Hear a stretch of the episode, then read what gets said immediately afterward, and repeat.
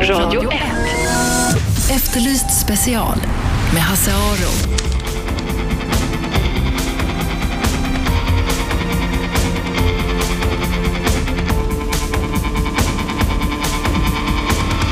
Välkomna hit, Efterlyst special. Hasse Aro heter jag. Jag tycker att rättegången mot Anders Behring Breivik har gått för långt. Redan. Jag tycker han spårat ur redan. Igår skulle han få 30 minuter på sig att förklara sig. Han tog över 70, över en timme. Man försökte avbryta honom gång på gång, men han fortsatte. Idag frågar man ut honom om hans gymnasietid och tiden efter gymnasiet. Det är ju inget, det är inget liksom här i ditt liv-program. Det är ju en rättegång mot en man en massmördare som har erkänt gärningarna. Han har också talat om varför han har gjort gärningarna. Eh, han är förklarad frisk av eh, läkare i Norge. Vad är problemet? Varför ska de hålla på i veckor med det här och ge honom det utrymme som han ville ha? Hans aktion bestod av två delar. Ett, morden. Två, propagandan, plattformen som nu ges honom att sprida sin propaganda och där borde vi reagera, där borde vi faktiskt säga stopp. Det tycker jag, det här ska vi diskutera senare i Efterlyst special. Jag hoppas att ni är med och ringer in och säger vad ni tycker. Är mina åsikter fel eller har jag rätt? Men vi ska börja med en annan mycket tragisk historia men också intressant. Det är en historia med, som, eh, där det är eh, ganska unga människor inblandade och det hela tar en ände med förskräckelse. Jag pratar om eh, kidnappningen i Uppsala. Rättegången pågår ju just nu mot tre personer som är misstänkta för att ha kidnappat 25-årige Alex. Alex vi kan kalla honom så, kommer från en förmögen familj och det skulle då vara motivet för de här tre andra att kidnappa honom. Och i spetsen verkar en kvinna stå, en 23-årig kvinna som är psykologstudent, vi kan kalla henne för Parasto. Hon Eh, enligt åklagarna är hon hjärnan bakom det här. Hon kommer från samma stad som Alex och vet att han kommer från en fin familj. Med sig skulle hon ha haft då en eh, 26-årig man, en läkarstudent. De två ska ha planerat det här ihop. Eh, han, den eh, 26-åriga läkarstudenten, har haft eller har en relation med kvinnan, den unga kvinnan. Och så en tredje inblandad 26-årig man som är husägare som eh, kom in lite senare i händelseutvecklingen därför att han ägde ett hus där man kunde då gömma Alex, var tanken. Det var på natten mellan den 28 och 29 december förra året som Alex fördes bort. Men planeringen eh, visade sig började långt tidigare. Det, den 13 december, Lucia, så ringer läkarstudenten och bokar en skåpbil på en hyrfirma. Eh, den, eh, I mitten av december köps också det här huset som vi pratar om, som husägaren då står för. I, någon gång den 25-26 december efter jul så är läkarstudenten i Malmö och försöker köpa elchockbatonger och knockoutdroppar från en, stad, en person i staden. Och den 27 december så köper han en bil, en Renault Clio som eh, säljs nere i Mölndal. Och allting börjar med att eh, den här kvinnan då eh, som känner Alex. Hon har tidigare varit inneboende hos Alex men var inte det längre. Men de hade någon slags umgänge. Så eh, den 28 december så är hon eh, hemma hos Alex och insisterar på att få bjuda på middag. Alex går med på det här och hon, när hon kom så hade hon med sig en köttpärs, köttfärspaj och muffins. Och på muffinsen bredde hon sedan en vaniljkräm som fanns i Uppsala studentens eh, kök. De beslöt att äta framför tvn och så här berättar Alex, 25-åriga Alex själv om vad som hände. Vi sätter oss där och skrattar och har vanligt kranvatten till det här och vi börjar titta på På spåret. Och, eh, nästa grej är väl att jag smakar på den här maten och den smakar väldigt illa. Smakar väldigt beskt. Och eh, jag tänker väl om det är typ att det är en om det är en köpt paj, om den har åkt liksom hela vägen från Linköping, om det är någonting med det som gör att den smakar illa. Och jag, jag säger det till Prast också, för hon märker ju att jag har svårt att äta den här. Och då säger jag, ja, det, det smakar inte så gott, det är väldigt beskt, säger jag till henne. Och då säger jag, ja men det, det, är en, det är en speciell krydda som min mamma har tagit med från Spanien. Vi har diskuterat Spanien mycket. Hon vet att jag reser i Spanien och hon jag vet inte om hon gjort det, men hon har sagt att hon reste i Spanien också väldigt mycket. jag, tycker, jag tycker det är jättekonstigt att någon skulle använda en krydda som får det att smaka så här. Men väldigt beskt, knappast ätligt liksom. Men jag känner att det är första gången hon lagar mat åt mig och hon gör en väldigt stor grej av det. Och säger ibland ja, men ät lite på kanten, det kanske, det kanske inte är lika beskt där. Eh, och jag äter några skedar till. Och vi sitter där och tittar på programmet. Och eh, um, när, jag, när jag tittar Parasto i ansiktet så minns jag det att jag tänkte att det var så konstigt för att eh, skuggorna i hennes ansikte flackade. Och jag, jag förstod inte vad det berodde på. Men jag vill liksom bara kontrollera mig på programmet. Jag vet att Prasto frågade en fråga eh, som också är väldigt typiskt henne. Hon, man kan sitta och prata om väldigt ytliga saker och så kommer hon helt plötsligt med någon så här, är det någonting som besvärar dig eller någonting? Väldigt så här djupgående frågor. Eh, och det var någonting så också, ja ah, du verkar disträ eller någonting. Hon frågat. Och det, ja, jag orkade inte ens svara på det. Liksom. Utan jag försökte titta på programmet och försöka lista ut var, var de var på väg. Som det är På spåret, att man ser en tågresa och den, den var på väg någonstans. Jag försökte räkna ut det här. Då. Mm. Och sen saken att jag... Det sista minnet jag har från att den här resan är på väg. Liksom. Och sen nästa minne jag har är att jag blir slagen och väckt. Och då ja, en helt annan situation. Jag vet inte vad som har hänt däremellan. Eh, det är eh, manliga röster som ropar på engelska. Väldigt hotfullt och det är någon som slår mig i ansiktet. Eh, på vilket sätt vet jag inte för jag har inga eh, vad ska man säga, visuella minnen från det här. Utan det är bara liksom känslan och hörseln. Och i det här tillfället så är det också då jag jag har ett minne av att jag blir hotad med kniv i den här situationen. Det är inte någonting man glömmer bort direkt. Sen, nästa grej jag min, minns är att jag, ja, att jag blir nedbrottad i den här situationen och sen är nästa minne att jag faller bakåt, att jag sitter i någonting. Jag försöker greppa tag i vad som helst för jag känner att jag faller bakåt. Och då känner jag att jag kommer åt en, eh, en ringklocka som en dörrklocka. Så i efterhand så tänker jag att jag var i mitt trapphus. Men jag känner bara att jag faller och blir buren någonstans. Och så greppar jag tag i någonting och då är det en ringklocka liksom. Eh, och sen så sätts jag i en bil. Jag har inget minne av direkt hur jag sätts i bilen. Utan den kör iväg. Och sen har jag bara minne av att vi kör iväg och att det är väldigt kallt och jag har svårt att röra mig och andas. Och sen börjar min, eh, det börjar klarna mer. Och vi åker i den här bilen. Och först och främst är det för de, de har ju tejpat mig överallt. De har tejpat handleder väldigt Eh, tätt eller tight liksom. Och mina fotleder också. Och eh, runt eh, axlarna i brösthöjd ungefär. Och eh, runt munnen och runt huvudet. Och just där runt munnen så eh, jag är ganska täppt i näsan så jag hade jättesvårt att andas med den här tejpen för munnen.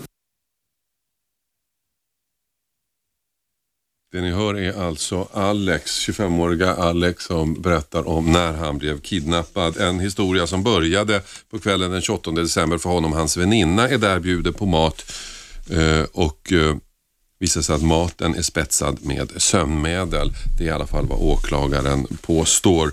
Och eh, det ni hör är alltså Alex egen berättelse som han berättade i tingsrätten igår. Han vaknar upp efter de här sömnmedlen och blir slagen och sparkad på av några som skriker på engelska. Han har ingen aning om att hans eh, väninna är inblandad i det här. Och Det visar sig att det här är bara början. Det är själva, själva färden. De, nu ska vi se här, själva färden till det ställe som eh, kidnapparna då sen, de tar honom i bil, en bil och åker iväg och säger att de ska till Kolahalvön.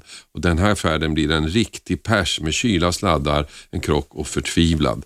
Så här berättar Alex om den här mardrömsfärden. Och då, då fick jag ungefär en ganska ja, men som en sammanfattning av den historien jag fick senare. Men att min farbror hade lurat någon person så nu var det någon, en rysk maffiaboss som var, ville straffa vår familj och därför var jag tagen. Och jag var tagen för att jag var smartare än mina två bröder. Och det var också väldigt Allting, allting var ju väldigt bisarrt, alltså hela situationen. Jag hade svårt att bara finna mig i att det, att det faktiskt var sant att det hände. Efter det så fortsätter vi åka. Ja, vi åker på väldigt hög fart, känns det som. Men det är ju, ja, vid det här tillfället så har jag också fattat att jag sitter bak i ett skåputrymme på en skåpbil ungefär. Och eh, jag, får jag har en liten glipa eh, i tejpen runt ögonen så jag kan se rakt ner ungefär. Då ser jag även att det, att det är silvertejp eh, tejpad med över hela kroppen. Och jag sitter i eh, mina, som vanligtvis är mina pyjamaskläder. Nästa grej är väl att vi, eh, att vi kommer högre upp för att jag känner att det blir kallare så jag antar att det är uppåt vi åker. Eh, och jag märker även på att bilen sladdar några gånger.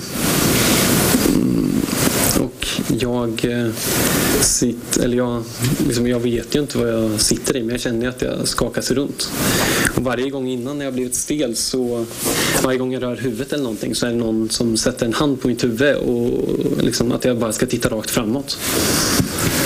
Och till och med efter ett tag så börjar de istället eh, lägga handen runt halsen på mig. Och då eh, väldigt obehagligt och stelnar jag till liksom och så försöker jag att sitta helt rakt och helt still. Eh, men det, det klarar jag inte så lång tid så då sätter de, eller, så sätter de handen på halsen igen. Eh, men vi, vi sladdar i alla fall. Och, eh,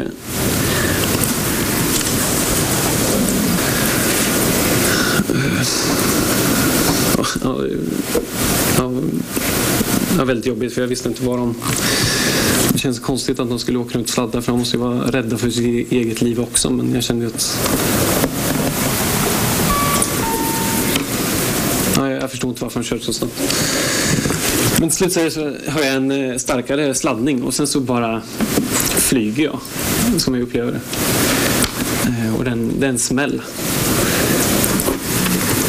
Och eh, jag märker att jag ligger på marken. Jag har massor väskor som legat De är över mig. Och jag har även, eh, ja det har även Jojje berättat, att det finns en, att han som sitter där bak det är en annan kidnappare bak i bilen och han kallar honom för Fredrik. Men Fredrik vill inte, vill inte prata. Eh, och han ska man inte tilltala för han är väldigt våldsam. Och han kommer liksom han kommer göra mig illa om jag gör någonting. Det är därför han sitter där bak för att vakta mig. Och, eh, när, när vi krockar så har jag även Fredrik över mig. Där sitter de alltså i bilen på väg mot sitt stora misslyckande. Den här eh, kidnappningen är ju dömd att misslyckas från början och det gör den också. Det tragiska är att Alex får är för livet under de här dagarna som han är borta. Det är ju närmare en vecka som han är borta. Det ni hör är alltså Alex, 25 år, som kidnappades av sin kvinnliga bekant och hennes kompisar i Uppsala i december förra året. Eh, kvinnan eh, som var Alex kompis hade bjudit honom på mat, drogat med sömnmedel och sen hade två män kommit in för att ta hand om honom. Män som kallades alltså för Jojje och Fredrik, pratade engelska och som Alex inte alls kände. Nu sitter han i bilen på väg på, mot ett okänt mål. De säger att de ska till Kolahalvön. Alex har ingen aning. Vid ett tillfälle uppenbarar sig en möjlighet att ropa på hjälp och Alex tar den möjligheten. Vi hör honom berätta om det efter pausen. Radio 1. Efterlyst special med Hasse Aro.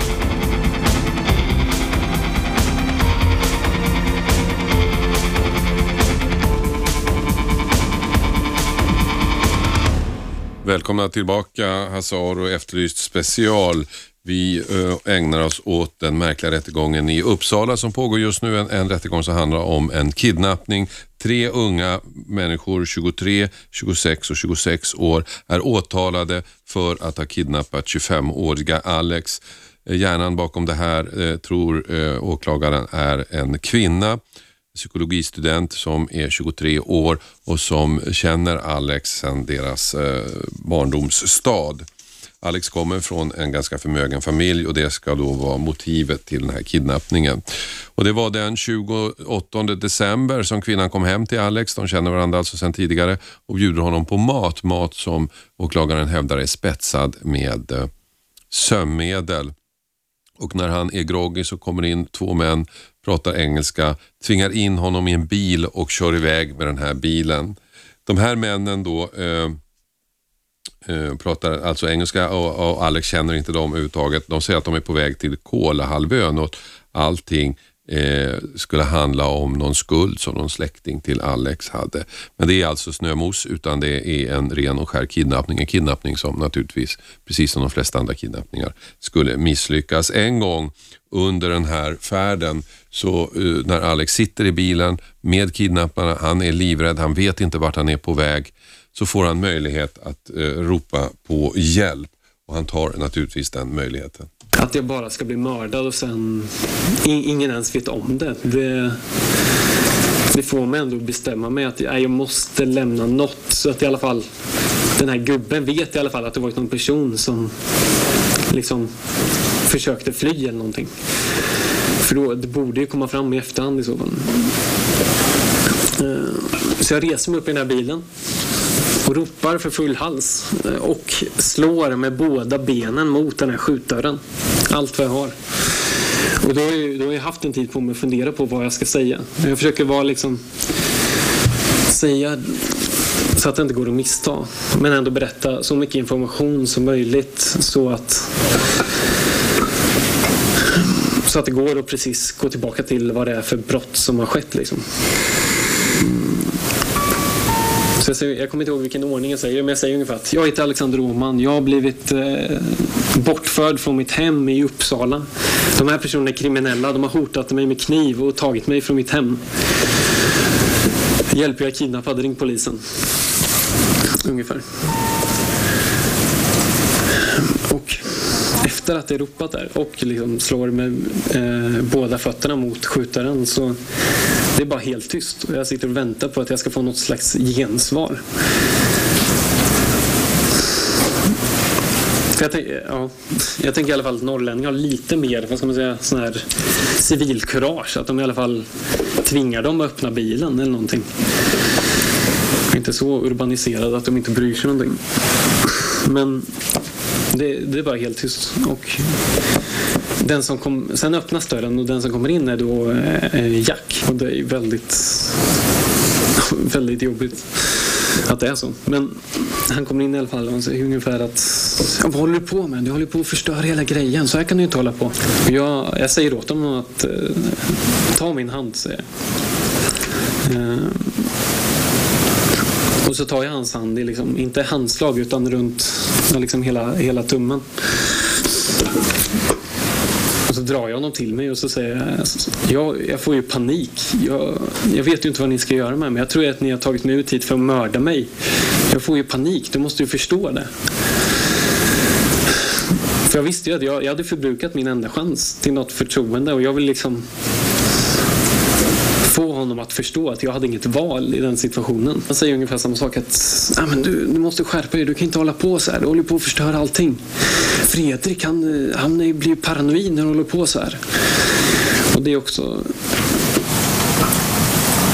inte så roligt att höra just med tanke på att ja, Fredrik var den våldsamma av dem som skulle göra ungefär vad som helst med mig. Jag försökte direkt att liksom plåstra över det här på något sätt. För jag vet ju att min enda chans är ju redan försvunnen. Jag gjorde ett försök och det hände ingenting. Jack säger till och med att den här gubben tror bara att jag är full. Det var ju otroligt jobbigt att höra. Jag fattar inte hur han kan ta fel på det. Så berättar alltså Alex, 25 år, om skräckfärden när han blev kidnappad i slutet av december förra året. Han försökte alltså påkalla hjälp genom att skrika ut ur bilen, banka Eh, men, för han hörde att någon var där ute på andra sidan men ingen reagerade. Och efter en lång färd så kommer de alltså fram till det här huset som är iskallt utan el och värme. Den enda värmekällan är en engångsgrill och där roar sig kidnapparna med att lägga på grejer och så ska då Alex gissa vad det är som brinner. Personen som kallar sig Jack pratar också länge med Alex och säger att det inte var hans idé, att han agerar på uppdrag av en rysk maffiaboss som kallas Odessa, som han är skyldig pengar och att han eh, Hans historia är ganska osammanhängande och när han inser att han sagt en eller två saker för mycket så börjar han hota Alex som redan före det mådde dåligt? Jag, jag står där och liksom storgråter, och, eller sitter och storgråter och eh, och Jack är ju så här, nej men det är så hemskt att du gråter Oh, jag mår så dåligt, jag får så dåligt samvete att du mår så här dåligt och, oh, jag borde aldrig varit med på det här. Och, så han liksom, ja, börjar nästan också gråta för att han liksom visar att han får så dåligt samvete. Och jag säger till honom att men det, det är bara så hemskt att tänka att ni tänkt att skada. Liksom. För han sa alltid att så här, jag, jag vill skydda dig, men Fredrik kommer göra så här. Eller Odessa kommer beordra oss att göra så här om du inte samarbetar. Och så sa han bland annat eh, att eh, det var nog det var den andra gången jag bröt ihop tror jag, men då sa han att de skulle dra ut framtänderna på mig till exempel, om jag inte samarbetade. Och då, då var det mest att, då bröt jag ihop mest för att det, det kändes så onödigt i den situationen. Jag fattar inte, för att alltså, Jack förstod ju att jag var helt skräckslagen. Alltså jag var ju det var ju terror liksom och sitta där och höra allt det här. Och så måste han ändå spä på med massa hot. Det, var, det, kändes så, det kändes så osympatiskt. För han sa ju ändå att han brydde sig om mig. Liksom. Och så kommer allt det här. Det var så konstigt. Så skulle de skolla mina fötter om jag, om jag inte samarbetar. Och jag, och jag var så här, varför säger du ens det här? Du vet ju att jag samarbetar med Varför säger du det här? Och det bortförklarar han typ med att nej men eh, det, det, är inte jag som bestämmer och dessa har sagt det här. Jag bara läser i foldern precis vad jag ska göra. De hade jättemycket att säga om hur de skulle ta mig och hur de skulle tortera mig på olika sätt. Men han hade ingen ingen egentligen ut, färdig plan för hur de skulle släppa mig. Och jag var så här, det kändes ju inte bra alltså. Ni hör Alex, 25 år, som kidnappades av eh, tre stycken ungdom, lika unga människor i slutet av december förra året. En av dem som eh, hävdas vara hjärnan bakom eh, eh hela den här misslyckade kidnappningshistorien var en gammal bekant till honom, en kvinna, 23-årig kvinna som studerar psykologi.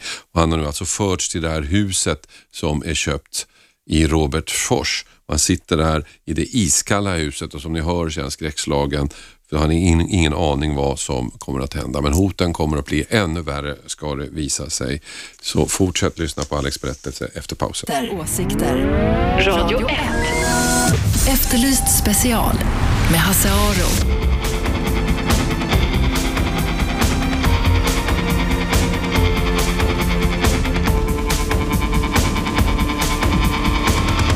Välkomna tillbaka till ehm, Efterlyst special där vi nu där vi lyssnar på Alex, 25-åriga Alex från Uppsala, vi kan kalla honom det, som blev kidnappad av en väninna och hennes kompisar i slutet av förra året. Eh, det var den 28 december förra året som Alex, som kommer från en förmögen familj, fick besök av den här 23-åriga läkarstudenten, äh, psykologistudent, en kvinna som han kände sedan tidigare. Hon hade med sig mat. Eh, det visade sig att maten enligt åklagaren nu var eh, spetsad med sömnmedel. Det här blir början på en flera dagar, ja, en vecka lång mardröm för Alex. Först en mardrömsfärd från Uppsala till Robertsfors där han hyses in i ett iskallt hus med mycket lite mat. Och eh, som om inte det räckte så hotar de här kidnapparna honom hela tiden med att tortera honom. Men inte bara med att tortera honom. De hotar också med att om kidnappningen går dåligt, om hans familj kontaktar polisen, så kommer den ryska maffiabossen som de nu har hittat på, de kommer att se till att hela familjen mördas. Då ska man skicka ett team till den här gården och det här området där alla mina kusiner bor, min farbrors familj, mina kusiners barn mörda alla. Man skulle, man skulle rensa stället med marken. Man skulle inte lämna någon. Alltså när, när han säger det, det är så, och, det och det är minuten efter han har suttit och skämtat om någonting. Det är så stört. Det är som att allt blod rinner ut ur kroppen. Jag, liksom, jag vet ju i den stunden att jag, jag existerar ju bara för en... Eller jag kan inte tänka på något annat än att jag måste hålla de här människorna borta från min familj. Det är det enda jag kan tänka på. Och då var det så otroligt jobbigt att det var en massa saker som jag inte hade kontroll över. Att min, att min familj kontaktar polisen, det är klart de gör det om de är oroliga.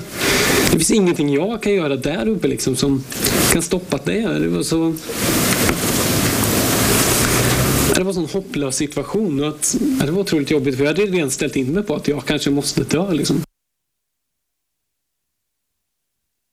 Så berättar alltså Alex om hans rädsla när han sitter i det här iskalla huset i Robertsfors bortfört av eh, tre stycken människor, eller två killar det som har fört bort honom efter att eh, kvinnan i sammanhanget, den 23-åriga psykologistudenten, drogat Alex hemma hos honom genom att bjuda på mat spetsat med sömnmedel.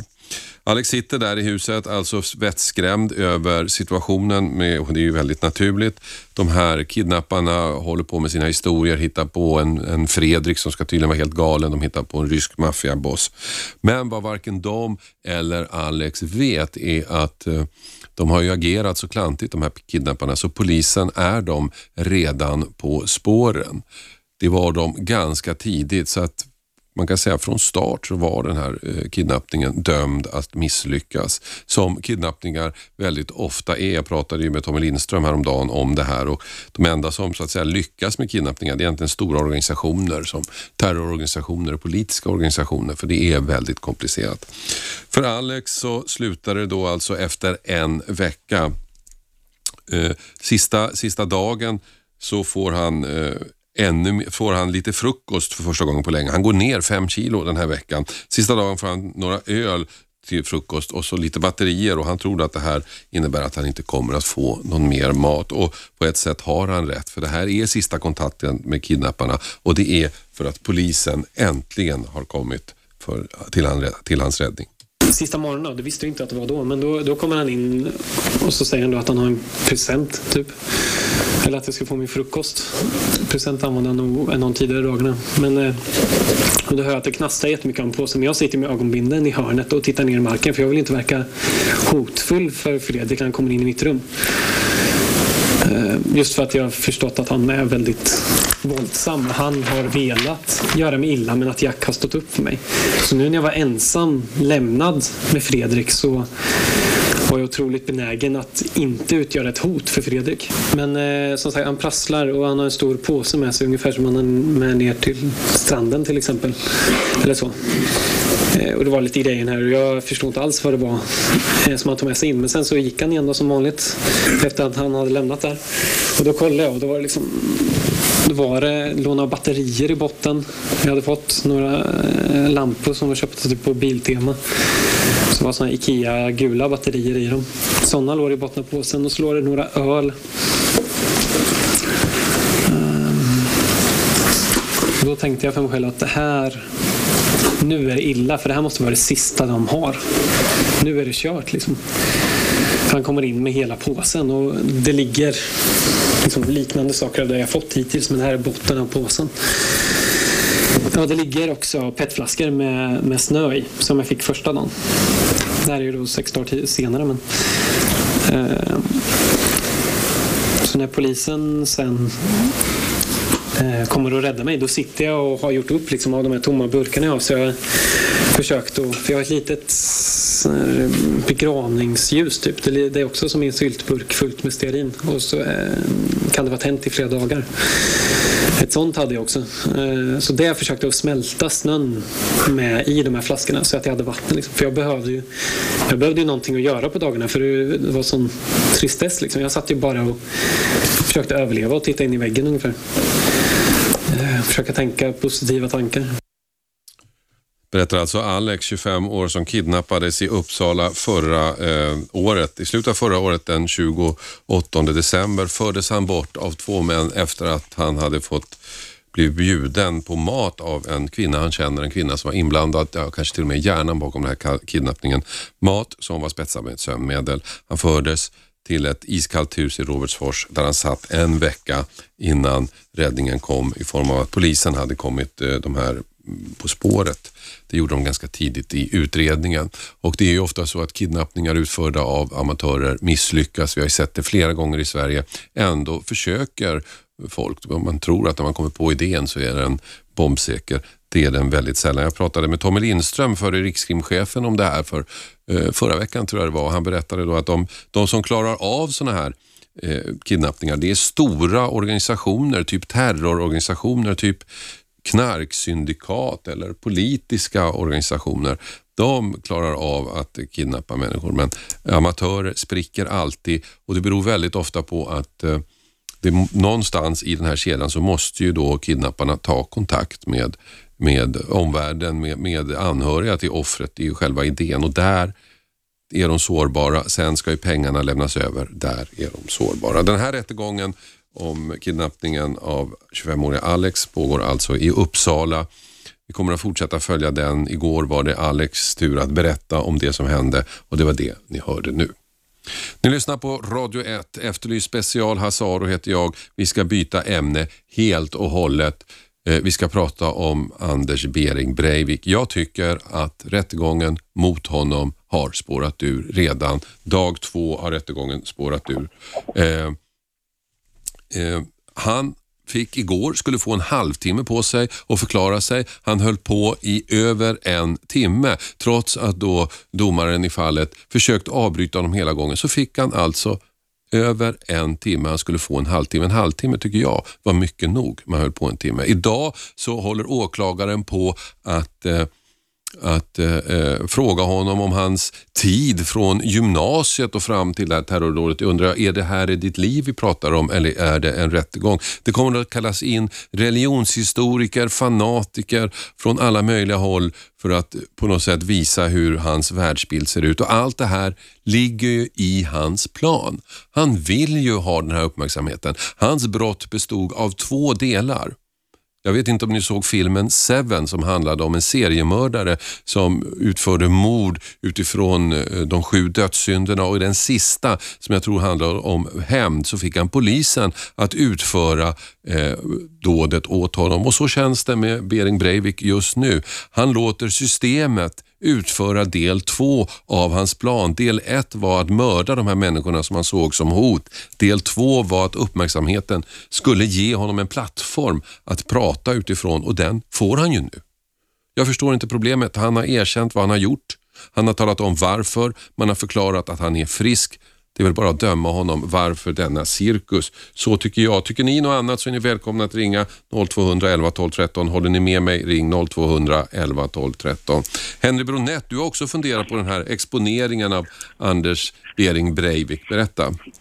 Ja, det stämmer. Jag eh, börjar höra också vänner och bekanta runt mig och människor man träffar ibland på stan eller eh, grannar. Att man börjar ger det här väldigt mycket plats. Man börjar fråga hur kan han ha gjort det här och hör du vad han säger?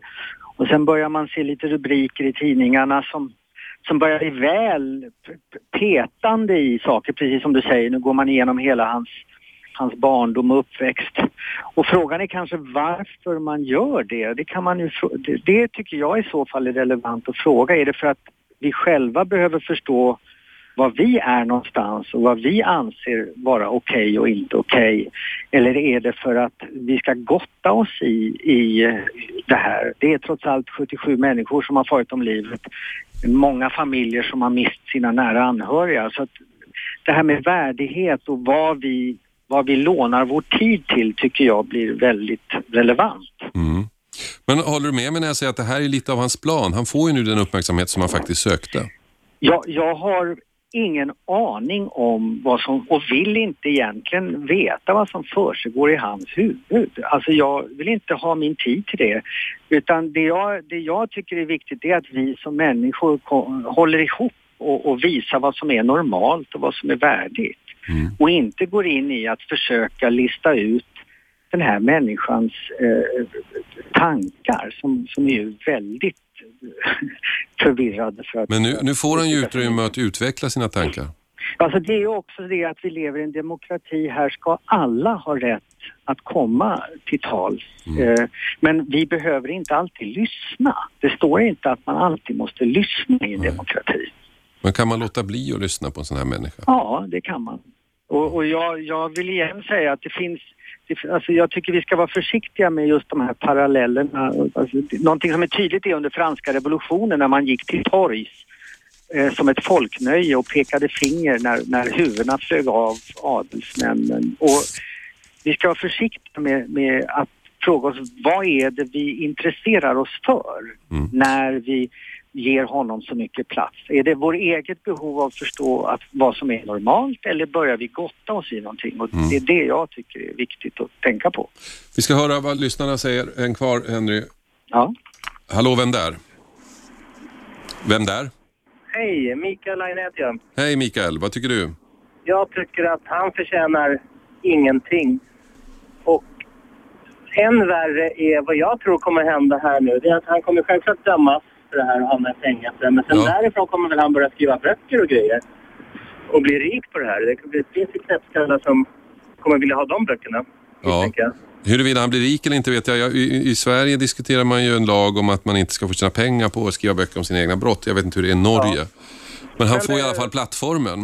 Ja, precis. Och kan bli ut så ordentligt där. Alltså, pengarna lär inte vara det viktigaste i hans läge. Men, men just det här att få den möjligheten att sätta sig där och skriva nu. Och nu har han ju fått mycket så kallad reklam och nu kan han ju skriva om vad som helst. Mm. Och jag tycker, jag, när jag ser en bild idag från rättegången, han säger han dricker vatten där. Jag tycker inte ens han är värd att få dricka det glaset vattnet. Eh. Tack ska du ha Mikael. Ni lyssnar alltså på Radio 101,9 Efterlyst special. Vi pratar om Anders Bering Breivik. Jag tycker att han får för mycket utrymme. Jag tycker rättegången har spårat ur redan nu. Jag tycker att vi hjälper honom att utföra steg två i sin terrorplan, nämligen att få en plattform att tala för. Och även om de flesta av oss tycker att det som han säger är helt vansinnigt så finns det de som tycker att det är bra och de blir fler när, när de lyssnar på honom. Det är jag övertygad om. Vad tycker ni? Ring in 0200 11 12 13. Vi ska ha reklam. Jag tar, jag tar eh, eh, samtal också under reklamen.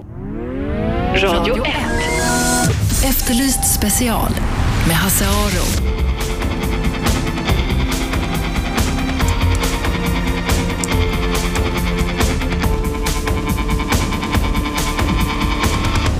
Välkomna tillbaka till Efterlyst special. Jag heter Hasse Aro och jag tycker att Anders Bering Breivik har fått för mycket utrymme redan. Jag tycker att rättegången har spårat ur. Jag tycker att systemet nu hjälper honom att eh, slutföra plan två i sin eh, terrorattack. Plan ett var att mörda människor som man Eh, såg, ansåg vara en fara för samhället och därigenom väcka uppmärksamhet. Plan två är att i rättegången få möjlighet att sprida sitt budskap. Det här har han varit tydligt med, det vet vi.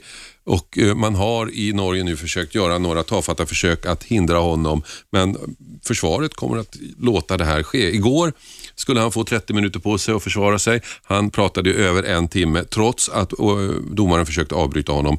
Och nu idag så pratar vi om hans gymnasietid och tiden efter det, vad det nu har med saken att göra. Eh, det kommer att kallas in experter och eh, på alla möjliga olika extremismer som finns. Jag vet inte riktigt vad de ska göra där, men allt detta kommer att leda till att Anders Behring Breivik får den plattform han sökte. Jag förstår inte problemet. Han har eh, erkänt vad han har gjort. Han eh, har berättat varför. Man har förklarat att han är frisk. Ja, döm honom. En dag räcker, tycker jag. Eh, Henry Brunett som är med mig tycker att eh, det vi kan göra det är att sluta lyssna. Eller hur? Ja, bland annat så kan vi göra det. Vi behöver inte släppa in vad som helst i våra liv. Det väljer ju vi. Eh, och i, i den aspekten så tycker jag att man kan sluta lyssna. Man kan också vara tydlig med vad man har själv för gränser. Alltså, det, det tycker jag absolut. Och jag, igen, jag tycker det handlar om vad, vad anständigheten kräver också i respekt för de människor som har farit illa i det här. Vad tycker ni som lyssnar? Ring in 0211 12 13 0200 11 12 13. Mikael, vad tycker du? Mikael har slut, tröttnat på att vänta. Då tar vi in Monica istället. Vad tycker du? Monica? Ja, hejsan. Ja. Hej. Jo, nej, jag, de flesta jag hör tycker ungefär som du, men jag har lite ett annat perspektiv. Jag har Ja, väldigt mycket på det här. Jag tror att det finns en, poäng, en annan poäng med det. Eh, och det handlar inte så mycket om det med öppenheten och rättsstaten, för det tror jag de flesta är överens om. Men jag tror, för vi, visst det finns människor som du säger, han får en plattform, det finns människor som nog kommer att hylla honom som hjälte och, och så vidare och, och vilja ta efter. Eh, Den typen av människor finns i samhället och jag tror de kommer att söka den här informationen och hans manifest i alla fall. Men, men sådana som ja, du och jag och de flesta som eh, på något sätt kanske står för det, goda i samhället eller krafter eh, tror jag har en förmåga att blunda för den här typen av saker och kan hända att vi behöver ibland skakas om lite grann och se vad är det som finns. Vad Men, men blev vi inte vara som- omskakade nog när, eh, på av själva attentatet? Måste han få prata om det också? Nej, men det jag tror just det här, du ifrågasatte lite det här, varför går man in på hans gymnasietid och bakgrunden Mm. och religion och allt det här. Jag tror att det kan vara, det är ju väldigt många människor som, som vi möter som har motsvarande fantasier men som absolut inte lever ut dem som han gör. Och kanske Mm. behöver vi väckas i det. Kan det här vara en tanke att vi kan bearbeta det här och, och, och inte blunda för det. Det finns lite varstans. Det är sällsynt att det poppar upp och leder så här långt. Men kan man lära sig någonting av att hindra någonting i förtid? Kan man lära sig så här ser världen ut? Så kanske det i slutändan kan medföra någonting positivt. Monica, jag beundrar dig din inställning. Jag har funderat länge mycket på- på det här och jag håller då inte med dig förstås. Nej. Men tack för att du ringde.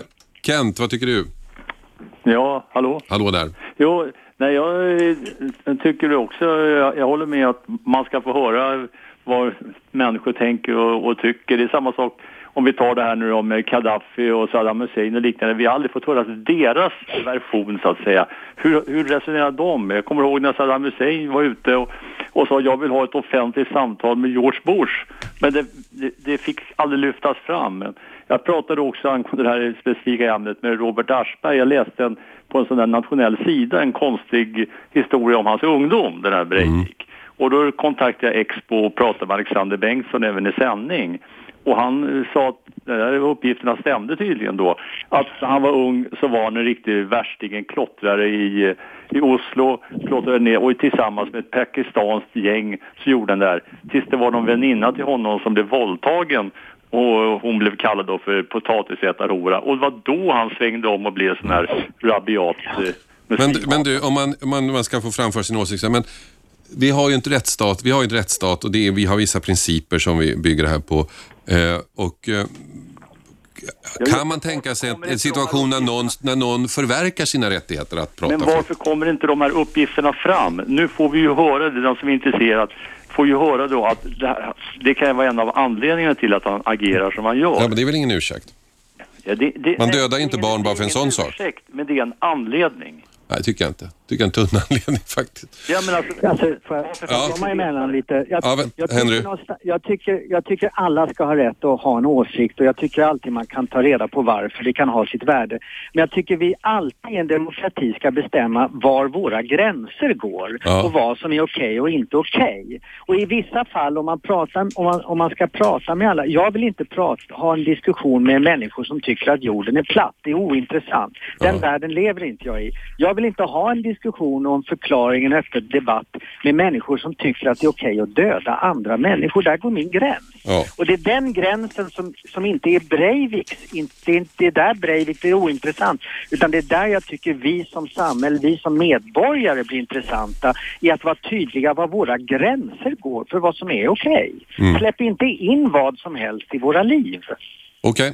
Tack Henry. Eh, Vår programtid börjar närma sig slut. Det här är ett intressant ämne. Eh, vi får väl anledning kanske till att återkomma det. Det får vi ju för den här cirkusen som det håller på att utveckla sig till eh, kommer att pågå ganska länge. Då så, missa inte Cissi Wallin. Efterlyst special är tillbaka imorgon eh, klockan 12. Då ska vi bland annat prata om exorcism, så missa inte det. 101,9 Radio 1. Sveriges nya pratradio.